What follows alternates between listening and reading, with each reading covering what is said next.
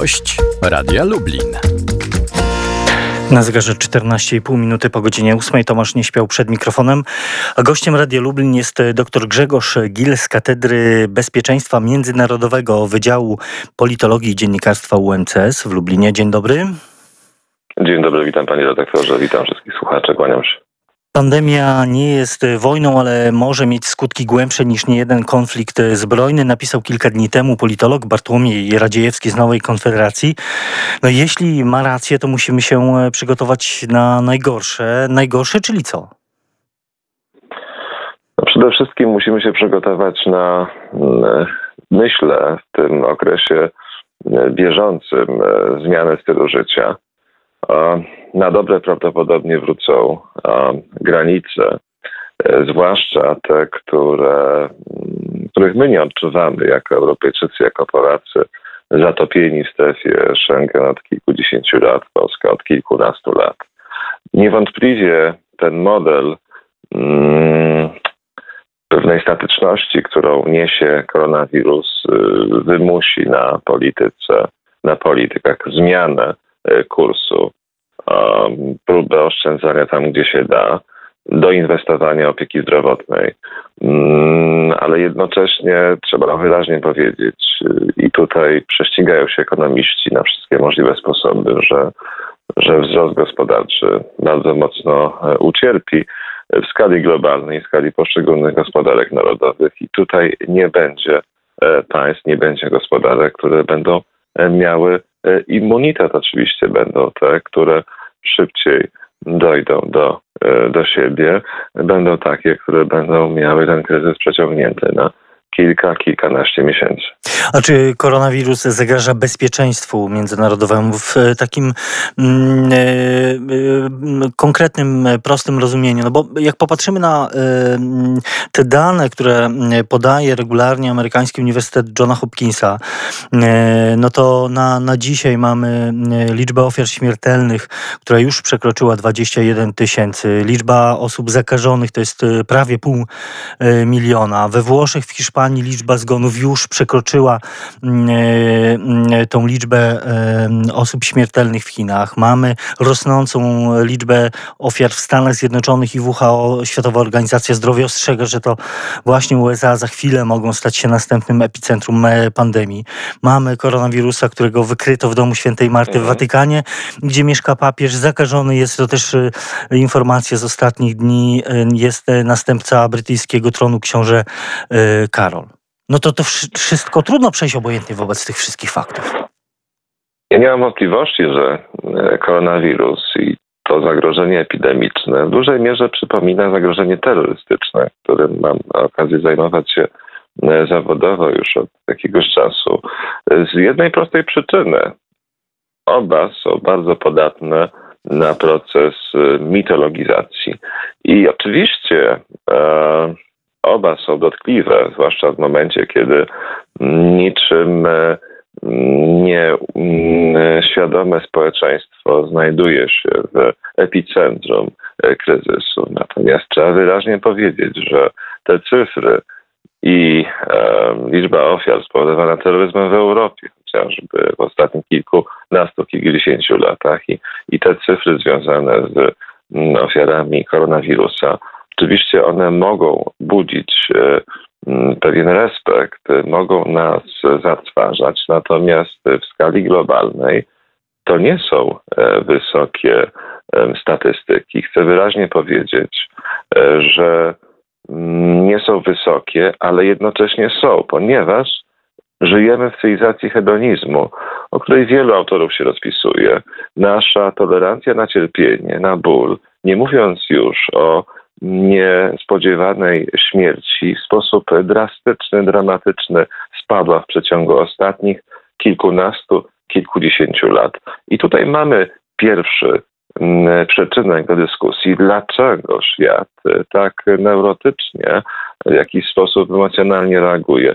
Nie deprecjonuje żadnego życia ludzkiego, łączymy się wszyscy z, z, ofiarami, z każdą pojedynczą ofiarą tej pandemii. Natomiast chcę wyraźnie powiedzieć, że świat się zmienia na naszych oczach i ten model, e, te kryzysy wywoływane lokalnie, ale jednocześnie w oparciu o tak zwany efekt motyla w skali globalnej będą naszą codziennością i musimy się do, niej, do nich przyzwyczaić także, biorąc pod uwagę przyspieszone prace nad, nad szczepionką, która w tym przypadku wydaje się mogłaby ten problem rozwiązać, czy raz na zawsze, to też wątpliwe, ponieważ ten wirus mutuje. Mamy zatem przeciwnika, którego nie widzimy, i ten przy, przeciwnik y, de facto y, dyktuje warunki y, właściwie całemu świata, całemu światu i, i, i, państwa na całym świecie no, muszą dopiero reagować na konkretną sytuację, bo dzisiaj nie mogą się przygotować prewencyjnie na nią. Trzeba wyraźnie powiedzieć, że Europa była tutaj, miała tutaj pewną przewagę. Pierwsza runda epidemii, jeszcze wówczas nie pandemii, jak wszyscy doskonale już dzisiaj wiemy, wybuchła w Chinach, e, w prowincji Hubei, rozprzestrzeniając się powolutku w tym łańcuchu powiązań w Azji Wschodniej, w kierunku Japonii, w kierunku Korei e, Południowej. Europa miała naprawdę bardzo dużo czasu. I mam wrażenie, że ten czas nie został wykorzystany w sposób optymalny. Podobnie zresztą Stany Zjednoczone, które e, no, wyrastają powoli do pozycji, do roli no, epicentrum tej koronawirusowej hekatomby. Być może dlatego, że no, y, też pojawiają się takie postawy, jak y, postawa choćby mm, Brytyjczyków. Na początku Boris Johnson, brytyjski premier. Y, no właśnie, zdaje się bagatelizował, czy może po prostu nie doceniał e, tej sytuacji. Nie, było zamknięcia szkół, e, pubów. E, no i jeszcze na początku marca odbywały się mecze Ligi Mistrzów w tym kraju. No już by, była mowa też, y, no, głośno też się stało na ten temat y, w mediach. Y, była mowa o odporności stadnej. Teraz zdaje się też to podejście do koronawirusa na wyspach zmieniło się o 180 stopni. Tak, oczywiście, ponieważ pojawiają się pierwsze przypadki. Chcę wyraźnie powiedzieć, że tutaj mówimy o końcu stycznia. E, do e, początku marca, tak jak pan rektor zauważył, odbywają się wszystkie imprezy masowe, zwłaszcza mecze Premier League brytyjskiej, to znaczy około pół miliona osób na stadionach w ciągu weekendu rozgrywek. E, otwarte puby, otwarte restauracje, otwarte teatry. Pierwsze spotkania tak zwanego formatu Cobra, które w zasadzie potwierdzały, że wszystko jest pod kontrolą. Niemniej, biorąc pod uwagę rosnące słupki zachorowań, po prostu Brytyjczycy zaczęli reagować tak jak reszta świata, to znaczy e, obawiając się rozłożenia na opadki systemu opieki zdrowotnej, zaczęli wprowadzać pewne regulacje w zakresie tak zwanego zdrowia publicznego. No, no podpisali, e, rząd brytyjski podpisał taką bezprecedensową umowę e, z prywatnym sektorem służby zdrowia, no coś czego do tej pory nigdy nie było.